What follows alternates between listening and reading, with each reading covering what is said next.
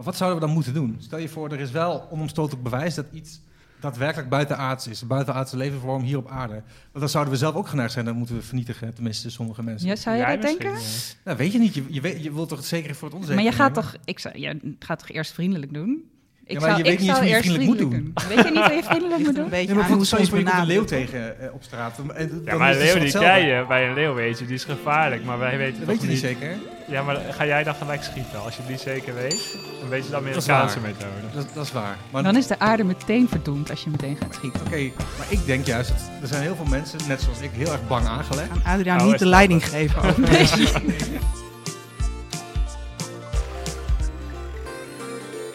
Hallo en welkom bij Questies, de gloednieuwe podcast van Quest. Het grootste populair wetenschappelijke tijdschrift van Nederland. Met vier redacteuren geven we elke vier weken antwoord op fascinerende vragen uit de nieuwste Quest. Vandaag gaan we wetenschappelijke mysteries ontrafelen. Wat moeten we ervan vinden als buitenaardse wezens de aarde blijken te bezoeken? En waarom werken alternatieve geneeswijzen zo goed? En wat maakt geestenoproepen nou zo eng? Onze redacteuren zochten het uit. Mijn naam is Adriaan Te Braak en naast mij op de redactie in Amsterdam zitten mijn collega's. Ten eerste, Ellie Postumus, de vrouw die al haar angsten heeft bedwongen in de naam van de wetenschapsjournalistiek. Hallo Ellie. Hallo. Hallo. Tegenover mij zit Pepijn van der Gulden, de redacteur die ooit de beste flirttips ter wereld verzamelde. Wat was de beste? Oeh, de beste flirttips ter wereld. Ja, ja ik kan mijn flirtgezicht niet laten zien deze podcast. Maar, ik zie dat hem was en wel... ik- dat was echt oké. En Melanie Metz, speciaal verslaggever, heksenkringen en andere mysterieuze zaken. Dus jij bent helemaal in je nopjes bij deze aflevering. Ja, absoluut. Nou, top. Dan gaan we beginnen. Aflevering 1 van Questies.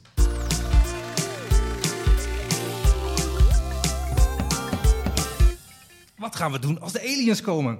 Wetenschappers hebben heel lang onderzoek gedaan, maar in juni bracht het Pentagon een dik rapport uit over onverklaarbare waarnemingen die eh, op Amerikaanse bodem zijn gedaan door militairen. Eén wetenschapper uit Harvard die haalde de headlines door te zeggen dat dit waarschijnlijk aliens waren. Ellie, jij hebt hem gesproken, hè? Ik ben heel benieuwd, wat was dit voor iemand en moeten we hem serieus nemen? Het is eh, Avi Loop. Ik weet niet of ik zijn naam goed uitspreek nu, Ja. maar ehm, hij is van Harvard. Het eh, was trouwens geen dik rapport wat er vrijgegeven is, maar eh, slechts negen pagina's. Dat, Oh. dat is wat we mochten weten. En volgens deze meneer zat er nog een veel dikker rapport achter, maar dat krijgen wij en wetenschappers niet te lezen. Ah, oké. dat, dat is al mysterieus, hè? Dat is al mysterieus. Ehm, maar wat hij graag wil, is er is eigenlijk dus al heel lang geen onderzoek gedaan naar eh, UFO's. En Ja? eh, tegenwoordig heten ze Unidentified Aerial Phenomena.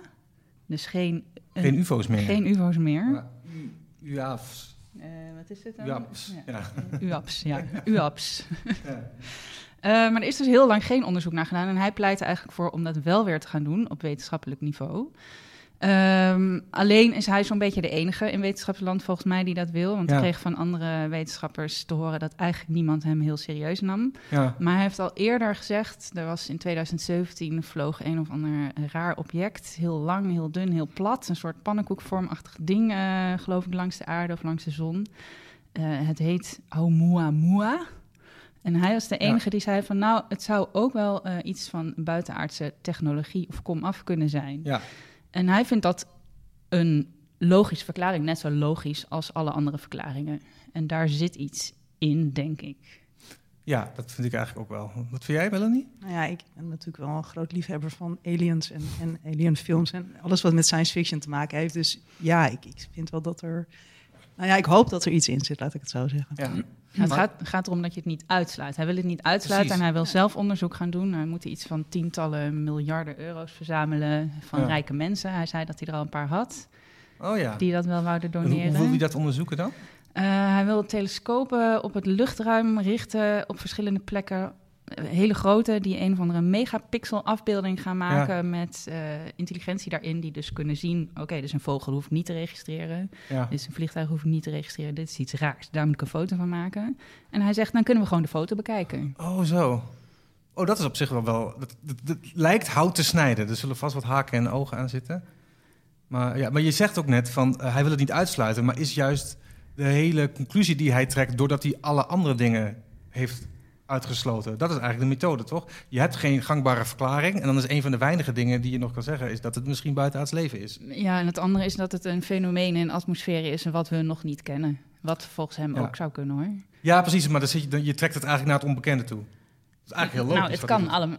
Mensen zijn geneigd om uit te gaan van iets raars, maar het is waarschijnlijk iets heel normaals. Ja. Maar hoe dan ook wil hij het graag weten, want als het een, iets in de atmosfeer is, dan zou het voor hem nog interessant kunnen zijn.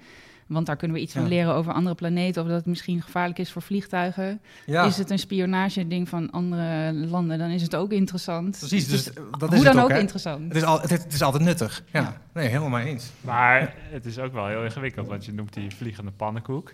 Het is niet zo dat daar eh, op staat, eh, deze komt van planeet Zoap. Hoe Nee, maar die- je dan die- wat het is? Die, die UFO's waar het om gaat, die zijn in onze atmosfeer gezien. Hè? In, in, bij legerbasissen gewoon eh, vlak bij aarde. Dat andere ding is echt heel ver weg. Mhm. Daar kun je niet zo'n foto van maken.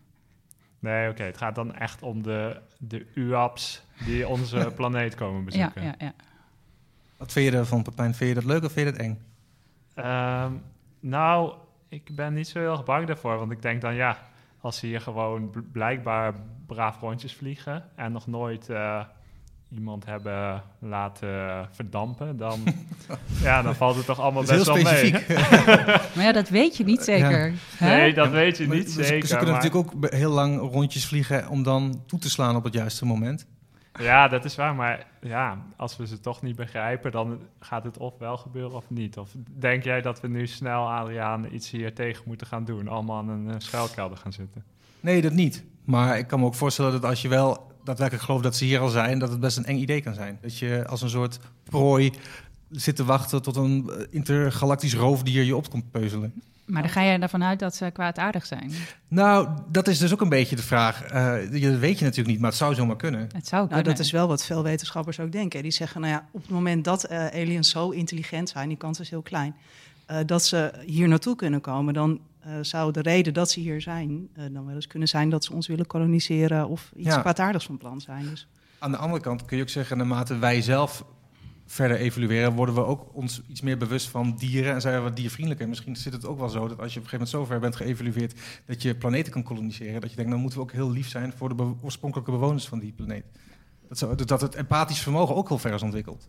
Of het zou zo kunnen zijn dat ze hier landen, dat ze denken, wat een ongelofelijke teringzooi hebben deze eh weg diersoorten ervan gemaakt en Ja. wegwezen. laten we dit ongedierte Dat is denk ik- ja, precies. wat hangt er dus denk. een beetje vanaf, denk ik, hoeveel van die waarnemingen daadwerkelijk buitenaardse ruimtevaartuigen zijn. Als al die waarnemingen dat zijn, dan zijn ze volkomen goedaardig, want dan was er al Ja. lang iets gebeurd. lang iets kunnen doen. Ja. Ja, maar wat zouden we dan moeten doen? Stel je voor, er is wel onomstotelijk bewijs dat iets daadwerkelijk buitenaards is. Een buitenaardse levensvorm hier op aarde. Want dan zouden we zelf ook geneigd zijn, dan moeten we vernietigen, tenminste sommige mensen. Ja, zou je Jij dat denken? misschien, Nou, weet je niet, je, je, weet, je wilt toch het zeker voor het onzeker Maar je gaat nemen? toch, ik zou, je gaat toch eerst vriendelijk doen?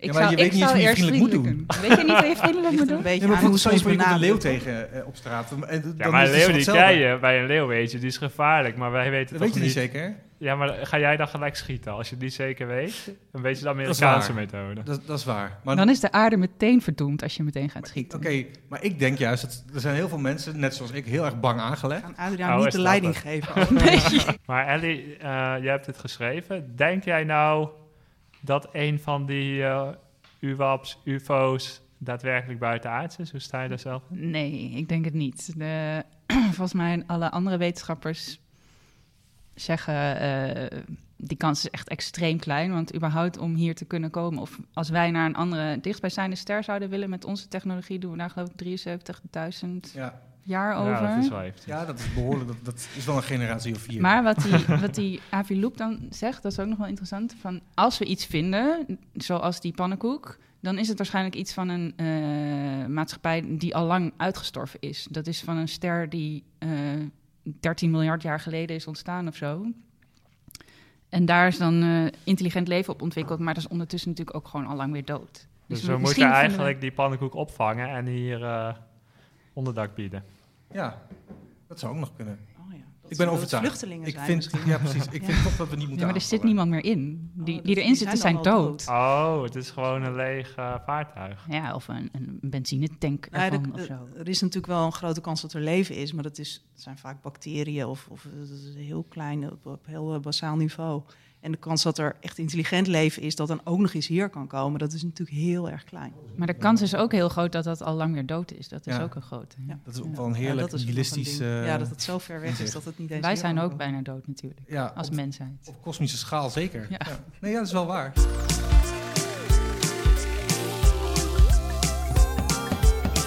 Voordat we doorgaan naar het tweede onderdeel. We hebben ook een quiz, deze podcast. Heel mooi, een quiz van Quest, oftewel de Quist, of hoe je het ook wil noemen. Ik ga jullie drie vragen stellen, drie multiple choice vragen, antwoord A of B. Eh, aan het einde van de aflevering kom ik bij jullie terug. Dan moeten jullie antwoorden geven, kun je punten verdienen. En aan het einde van het seizoen gaan we kijken wie de meeste punten heeft. En diegene die wint een, een Quest pretpakket.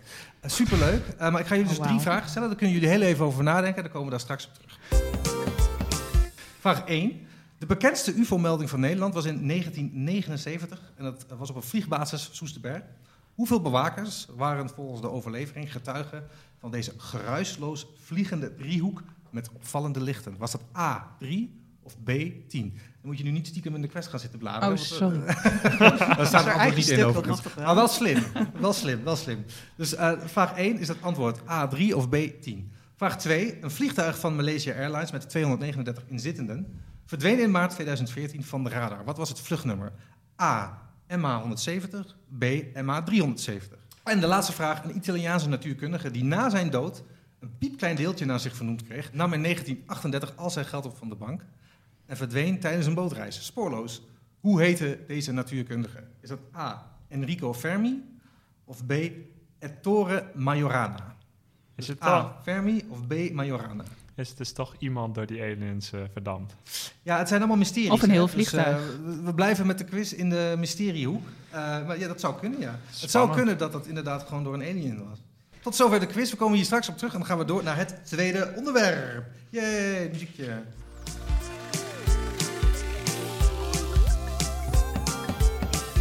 Alternatieve geneeswijzen.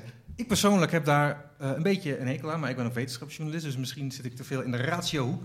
Maar eh, ja, velen met mij lopen er met een grote boog omheen. Maar uit onderzoek blijkt juist dat eh, heel veel van die zweverige fopdokters toch vaak goede resultaten boeken. Dus ik vraag me af, Pepijn, jij bent daar ingedoken, hoe kan dat? Ja, nou, ik was zelf ook best wel sceptisch. Ik zou ook niet zo snel eh, mezelf... eh, Dat klopt. Jij bent, jij bent een sceptisch persoon, dat kan ik echt beamen. Dus ik ben ook heel benieuwd wat je, als jij dan komt met, met argumenten voor dat het wel kan werken, dan denk nou ik ja, is als, je- wel, als je dat goed uitzoekt, dan Ja, zie je toch dat best wel veel mensen... die gaan dan naar een acupuncturist of eh, die doen een holistische massage. En die zijn dan heel blij met die resultaten. Die voelen zich beter. En dan kun je zeggen, ja, wat betekent dat nou? Maar eigenlijk betekent dat natuurlijk best wel veel. Want als jij je eerst niet goed voelde en je gaat daarna naar een therapie en je voelt je daarna beter, eh, ja, dat is wel waardevol. Ja, maar dit zijn ook wel, dit zijn niet specifiek eh, hele harde geneeswijzen, maar meer gewoon algemeen dingen die je doit voor welzijn, toch? Of ja, maar welzijn is toch best belangrijk. Nee, dat is waar. Maar ik kan me ook voorstellen dat als je bijvoorbeeld, eh, ik noem maar wat, eh, een ernstige ziekte hebt, bijvoorbeeld zoals Sylvia Millekam, die ging vervolgens in plaats van naar een oncoloog, ging ze naar, zo, naar Jomanda. Ja, dat, dat, dat is natuurlijk net even wat concreter en wat heftiger, want de acupunctuur, dat schijnt ook best wel goed te werken volgens WHO ook, als ik me niet vergis. Eh, dus dat, dan, heb je, dan heb je het echt over genezen. En wat jij bedoelt is, ook- is inderdaad meer een soort van gezonde levensstijl, zodat je het niet hoeft te genezen. Nee, dit is een belangrijk verschil. Dus ik heb een verhaal geschreven inderdaad over die alternatieve therapie. En dan zeg ik ook van ja, als je been is gebroken of als je Ja. kanker hebt, Ja, Ga dan in godsnaam naar Precies. het ziekenhuis. Eh, ik zou sowieso wel naar een reguliere dokter gaan. Alleen er zijn ook wel veel mensen die hebben klachten en die zijn niet zo goed begrepen. Dus als je eh, rugpijn hebt al jarenlang of eh, als je heel veel stress hebt, ja. eh, dan kun je wel naar de dokter gaan, maar die zegt dan ja, ik weet het niet zo goed. Eh, wat, moeten, wat moeten we met jou? Terwijl als je dan naar die acupunctuurpraktijk gaat, die zegt dan van oh ja, dat ligt aan je energiebanen. En die gaat aan de slag. En dan zie je dat mensen die een beetje, ja, je kunt het vage klachten noemen, dat die wel, eh, ja, in ieder geval minder erg voelen voor die mensen zelf. Ja. Dus je zou ook kunnen zeggen dat de reguliere geneeskunde misschien iets meer het algemene grote plaatje in ogenschouw zou moeten nemen. Nou, kijk, ik denk dat heel veel eh, ziektes niet zo goed begrepen zijn. Of in ieder geval, eh, dus wat ik zeg, het eh, gebroken been, dat is wel duidelijk wat er dan aan de hand is. Dan is het gewoon Ja. knak en dan moet je het weer aan elkaar vastzetten. Maar Ja. als iemand slecht slaapt of, Ja. of dus rugpijn is zo'n typisch voorbeeld van iets dat... Het is wel fysieke pijn, maar blijkbaar zit daar toch een stresscomponent Dat is waar. in. Is dat mentaal deels. En dat, kun je dus wel eh, verbeteren met eh, Ja. alternatieve therapie ook. Maar is nou, er is niet bewezen dat het niet werkt, toch? Maar zou het ook nog kunnen dat het dus wel werkt, alleen weten we nog niet hoe? Of, Nou, in theorie zou je dat kunnen denken als je wel gelooft in chakra's. En, eh, want eigenlijk voor die meeste the- theorieën geldt dat je ze ook niet kunt ontkrachten, inderdaad. Want ja, wat is een chakra? Je kunt het niet zien, je kunt het niet ruiken, je kunt het niet horen. Dus als je denkt dat het er is, dan kun je zeggen dat het er is. We kunnen niet bewijzen dat chakra's niet bestaan.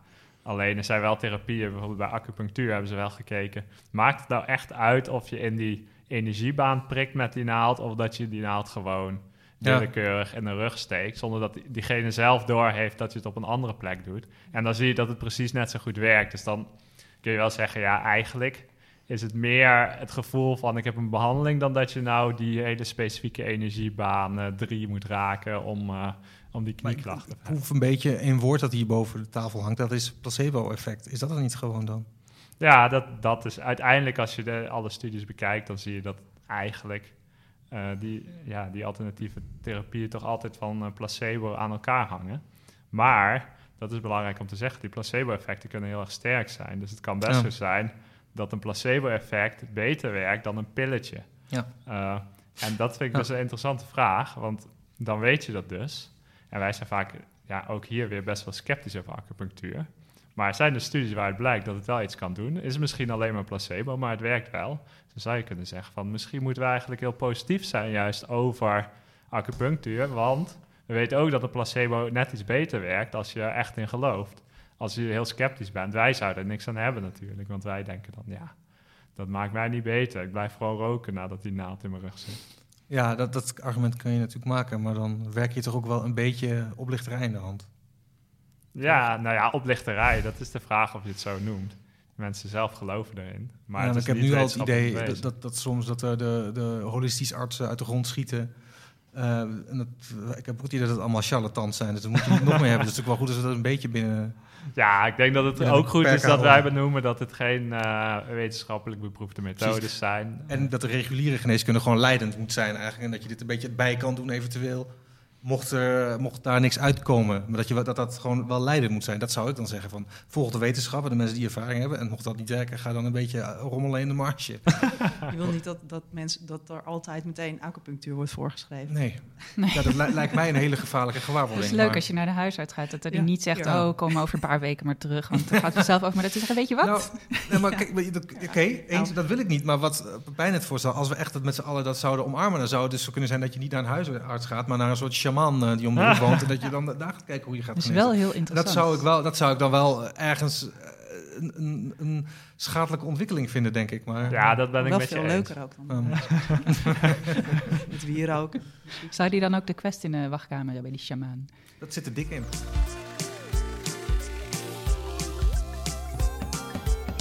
Ouija, zeg ik dat goed? Ouija, toch? Ik denk het wel, Ja, ja. Ouija. Ja, jij hebt het gegoogeld. Ja. Jij hebt een YouTube-filmpje gekeken erover, toch? allerlei YouTube-filmpjes gekeken over hoe je het uitspreekt. Ouija, Ouija, Ouija. Eh, dat is dus gewoon geesten oproepen met zo'n soort ganzenbord... waarin je dan met z'n allen eh, een hand op een glas hebt. Toch? Of was dat... Ja, dit, het kan met een glas. De- er zit, ja, in dit geval was het een versie, daar zat een planchet bij. Dat is Ja. dan een speciaal plankje met een gat erin. Ja, En dat, er staan letters op dat bord. precies. En Ja. eh, dat plankje dat schuift dan eh, over het bord heen. En door dat gat zie je dan de letter waar die op Want belandt. jij hebt dit gedaan met collega's. Ja, ja, je, ja, we daar iets hebben, over vertellen? ja, we hebben geprobeerd de geesten op te roepen. En eh, nou, dat ging eigenlijk prima. Waar was dit? Ja, eh, bij mij thuis. En er was, Op er was een eh, soort autoriteit op dat gebied. Nee, helemaal niet. Nee hoor, het is, je kan, eh, zo'n Ouija-bord kan je gewoon bestellen. Je deed, oh, je eh, deed zonder begeleiding? We hebben het on- eh, zonder begeleiding. Oh, wauw, nou ja, gewaagd. Ja. ja, gewoon, altijd een shaman vragen. Nee. want daar heb je meer vertrouwen in. Dan, eh. Nee, we hebben dat gewoon. eh, ik, eh, eh, ik heb gewoon zelf eh, flink gegoogeld naar allerlei eh, verschillende websites. ehm, hoe ik dat. eh, Ja. Ja. zo'n zo'n eh, sessie moest uitvoeren. En eh, met een aantal eh, redacteurs samen. Waaronder ook collega Pepijn trouwens, die was er Ja, ook zeker, bij. ja. Ja. Ja. Ehm, ja, dus eh, we zijn, nou ja, en het, het grappige was dat, dus, dat we echt boodschappen doorkregen, dus ook. En eh, ja, we gingen er heel sceptisch in natuurlijk. Van, nou ja, Ja. Dit, dit, eh, we zitten hier waarschijnlijk eh, met onze mini-lumpia's eh, een beetje voor niks eh, Ja. achter het bord. Maar Maar je, Ja. je stelt gewoon een vraag. Ja, En dan, en, dan ga je, en dan krijg je antwoord door dat glas dat schuift. Ja, ja, je stelt uh, gerichte vragen. De bedoeling was dan dat ik als uh, medium optrad. Want als iedereen door elkaar, we waren met, uh, met vier, vijf man. Ja. Ja, vier mannen en uiteindelijk vijf. Want die, die, Gabi... die manifesteerde zich. nou, het was zo, want Gabi, die kwam, de, de, de, of de beeldredacteur, die, kwam, die was er ook om, eigenlijk om foto's te maken. Maar daarna ging ze ook, uh, sloot ze toch ook even aan. Oh, ja. Want ze was wel nieuwsgierig. Uh, dus uiteindelijk waren we met z'n vijven. Uh, maar in ieder geval is het dus de bedoeling dat één persoon is dan het medium. En dat, dat was ik dan in dit geval. En die leidt dan de sessie. En nou ja, iedereen die vragen heeft, die, die, die stelt ze dan naar mij. En dan stel ik ze dan aan de geest zeg maar. Ja. En uh, de eerste vraag die moest dan uh, zijn, uh, is daar iemand? En nou ja, vervolgens schuift dan, leg je met z'n allen vingers op dat plankje en dan schuift hij naar yes of no, want dat staat er ook op. of naar een aantal letters en dan vormt het zich een soort van boodschap. Maar als je zegt, is daar iemand en het schuift naar no, ja, nou dat hadden we dus in het begin heel vaak. Zegt, is daar iemand? Nee, dat kan niet. Nee, maar dat, ja, dat, dat, dat hadden wij dus ook op een gegeven moment. En toen zeiden we, van, nou, de, uh, maakt u een grapje. En toen kregen we yes. En toen dachten we, nou, we hebben hier een geestige geest te pakken. Dus toen zijn we weer verder gegaan. Dus toen hadden we toch het, uh, nou ja, uh, ja, hebben we toch verder gepraat met die geest. Um, maar ja, goed, ja, je, krijgt, je krijgt er boodschappen uit. En je, ja, eh, je noteert dan de letters die je krijgt. En op een gegeven moment. Wat voor een soort boodschappen kreeg je verder? Uh, nou, we hebben wel gerichte vragen gesteld natuurlijk. Want dat, uh, dat moest volgens de handleiding die ik gevonden heb. Ze hebben bijvoorbeeld gevraagd wie het op dat moment was het EK bezig, welk land het EK zou winnen. Um, toen kregen we de letters D en E. Dus wij dachten, nou ja een beetje om het duurt best lang voordat je op zo'n letter bent. Dus een beetje om de gang erin te houden. Vroeger bedoelt u Denemarken. En toen gingen we naar Yes. Dus nou ja, Denemarken dus. Ja. Um, maar even voor de niet-voetballiefhebbers, dat is niet de winnaar van het EK, toch? Precies, nee, want we vroegen daarna dus ook voor de zekerheid mensen een voetbalkenner en toen ging hij naar yes of uh, naar no. Ja, en dat, dat bleek dus ook wel omdat het een medium is dat het nee, kan voorspellen. want uiteindelijk ja. ja, dat is wel jammer. Ja, kan ook. Dus uh, nee, maar het bleek dus geen voetbalkenner te zijn. En dat, en dat, dat bleek dus inderdaad wel, want Italië heeft gewonnen uiteindelijk toch? Dus inderdaad ja, bewezen dat deze geest geen voetbalkenner Dat het geen voetbalkenner was, nee, nee, Heb je hem daar ook later weer op aangesproken? Nee, dat we moeten, moeten we nog wel even doen, ja. Even wat, verhaal wat, halen bij wat, wat, voor vragen nog meer? Want ik ben nu wel benieuwd. Ook, ook, we hebben ook wat persoonlijke vragen gesteld. Bijvoorbeeld over, uh, over de beeldredacteur Gabi. Wat zij, uh, of zij nog de liefde gaat vinden dit jaar. Oh. En toen schoof hij naar, er staan ook cijfers op, toen schoof hij naar het getal 4. Dus wij interpreteerden dat dan maar als nou ja, ze krijgt vier geliefden dit jaar. Dus zij zag het al helemaal niet meer zitten. Ze zei van ja, wat moet ik nou met vier geliefden? Ja. dus nou ja, goed, weet je, het was, een, het, het, het was heel vermakelijk. En um, ja. de grap is natuurlijk dat je, dat je heel erg aan het interpreteren bent. Want dat merk je dus ook wel als je de letters D en E krijgt. Dan ga je natuurlijk zelf met z'n allen denken, ja, wat bedoelt hij? Uh, nou, het zal wel Denemarken zijn. Uh, het, cijfer 4, uh, ja, wat zal het zijn? Het, het, zal wel het aantal geliefden zijn. Het aantal ledematen van die Maar het aantal ledematen, precies. Ja. Melanie of Papij, moet een van jullie nu niet gewoon toegeven dat je dat ding bewogen hebt? Dat was mijn volgende vraag.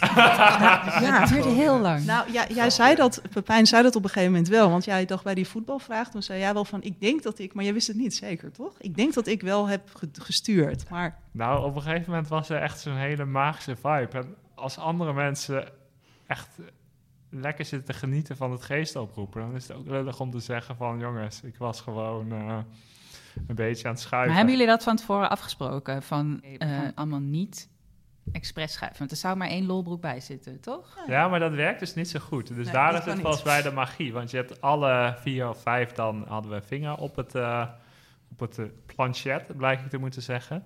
Uh, dus je kunt niet in je Als eentje... je een stroomstoot. je kunt niet echt zo makkelijk... Ik, ik geef toe dat ik dit in het begin heb geprobeerd voordat de geesten mij overnamen. je kunt niet zo makkelijk gewoon zeggen ja, nee, of zelf schuiven. Want dat was natuurlijk ja, dat maar, is wel een beetje wat is Maar had je dan wel het idee dat, dat je echt boodschappen doorkreeg... of dat het meer een, een cumulatieve beweging was van al jullie krachten op het glas? Ja, ik, ik kreeg hem niet echt boodschappen door. Het, het, was, het rare was wel dat ik dus ook niet het gevoel had dat ik zelf uh, aan het bewegen was. Ik probeerde het inderdaad ook wel een beetje. Want op een gegeven moment ja, zit je al, uh, ben je al uh, anderhalf uur bezig... en dan wil je ook wel een keer ja, gewoon ja, een keer Duidelijk duidelijk antwoord. antwoord. Ja, Ja. ja. Dat snap ik. Dus dan begin je ook een beetje te duwen naar, naar yes of naar no. Heb je naar Dus zijn je- naam gevraagd bijvoorbeeld? Of het überhaupt een zijn ja. of een haar was? Of, Ja, ja, we vroegen we, we, steeds, eh, natuurlijk aan het begin vroegen we, eh, is daar iemand? Bent u een goede geest? Bent u een kwade geest? Ja. Eh, bent u een man? Eh, nou ja, ja of nee? Eh, op een gegeven moment hadden we een geest die... We hebben ook een paar keer een slechte geest gehad. Dan moet je ook meteen de sessie afsluiten. Oh, je hebt meerdere keren meerdere Ja, geesten gesproken. Maar jongens, we daarmee bezig mag ik even onderbreken? Dit Ja. duurt toch veel te lang dat je zegt geest. Wat is nou de wetenschappelijke verklaring voor dat dat Ja. beweegt? Nou, eindelijk, Wat ben Ellie. jij sceptisch? Ja. Nee, het waren echt geesten. nee, natuurlijk. Kijk, wat, wat er gebeurt is dat je eh, met, met z'n allen... eh, er is een soort onbewuste beweging, dat heet het Carpenter-effect. Ja. Eh, dat is echt al in, in eh, ik heb het, eh, 1852 eh, ontdekt door William Benjamin Carpenter. En dat, dat was een, een sceptische Britse meneer. En in, in de 19e eeuw was dit heel erg populair, hè, die Ouija-borden. Ja. Dus iedereen die deed het. En op elk feestje ging je geest oproepen. En die man was het helemaal zat, dus die ging gewoon uitzoeken hoe dat nou kwam. Dat is een man naar En- mijn hart. Ja. Ja, ja precies. Dat is heel leuk. En, ehm, nou goed, en hij kwam er dus achter dat er een, een idiomotorische beweging is. Dus dat is, eh, eh, je wilt allemaal, eh, je, hebt een bepaald idee in je hoofd, onbewust. En ja, daardoor beginnen je spieren gewoon, je spieren reageren daar gewoon op, op dat idee. Oh, dus dit is, maar dit is wel een diepliggende verklaring. Dat is wel heel interessant inderdaad. Ja, nee, dus dat is, dat, dat is heel interessant. Ehm, ja, dus wa- wat er gebeurt, die, het Carpenter-effect of die idiomotorische eh, beweging, dat is dus gewoon een beweging die je onbewust maakt, puur eh, door inbeelding. Dus je gelooft toch Ja. ergens eh, Ja. dat, dat dat plankje moet bewegen door geesten en dat ga je dus ook doen. En dat werkt dus ook als je sceptisch bent. Dat bleek wel bij ons. Want Omdat je toch niet zelf ja, het gevoel precies. hebt dat je Maar wacht hebt. Jij, jij, jij zegt nu, het is allemaal wetenschappelijk aangetoond dat het eigenlijk een beetje koeterwaals is. Maar hoe, hoe, wat was je gevoel? Ja, nou ja, het, het, het grappige was dat ik eh, dat er dus er zijn al. Dus dat is een verklaring waarom je dus inderdaad beweging of eh, boodschappen krijgt. Omdat je door die beweging, Ja. nou ja, eh, ga je naar letters toe en je gaat het zelf interpreteren. En daardoor heb je dus een, een boodschap doorgekregen. Ehm, maar achteraf merkte ik dus bijvoorbeeld dat. eh, het- ja, iedereen was naar huis en ik was, bleef alleen achter in mijn donkere huis met de kaarsjes aan en zo. En de geest. Hij, hij zat er nog Nou ja, een ik, glaasje en- bier dat langzaamaan leger werd. nou ja, ik had dus wel eens een soort gelijk iets. Want ik, ik ging, eh, ik, ik dacht, ik loop even naar de badkamer om, eh, om eh, het bad vast vol te laten lopen. Toen trok ik de deur open en toen hoorde ik een heel vreemd whoosh geluid. En toen, en ik schrok me helemaal wild. Ik, was, want het was, ik stond daar dus in het donker Ja. met, met die kaarsjes nog zo aan die ik nog in de woonkamer zag. En het, het was, ik schrok me echt rot. En toen keek ik dus en toen bleek er een stukje plastic onder de deur te zitten, waardoor, nou ja, wat dat geluid maakte. En ik wist gewoon van, nou ja, dit is gewoon onzin. Maar toch was, de, de- ik had echt kippenvel overal.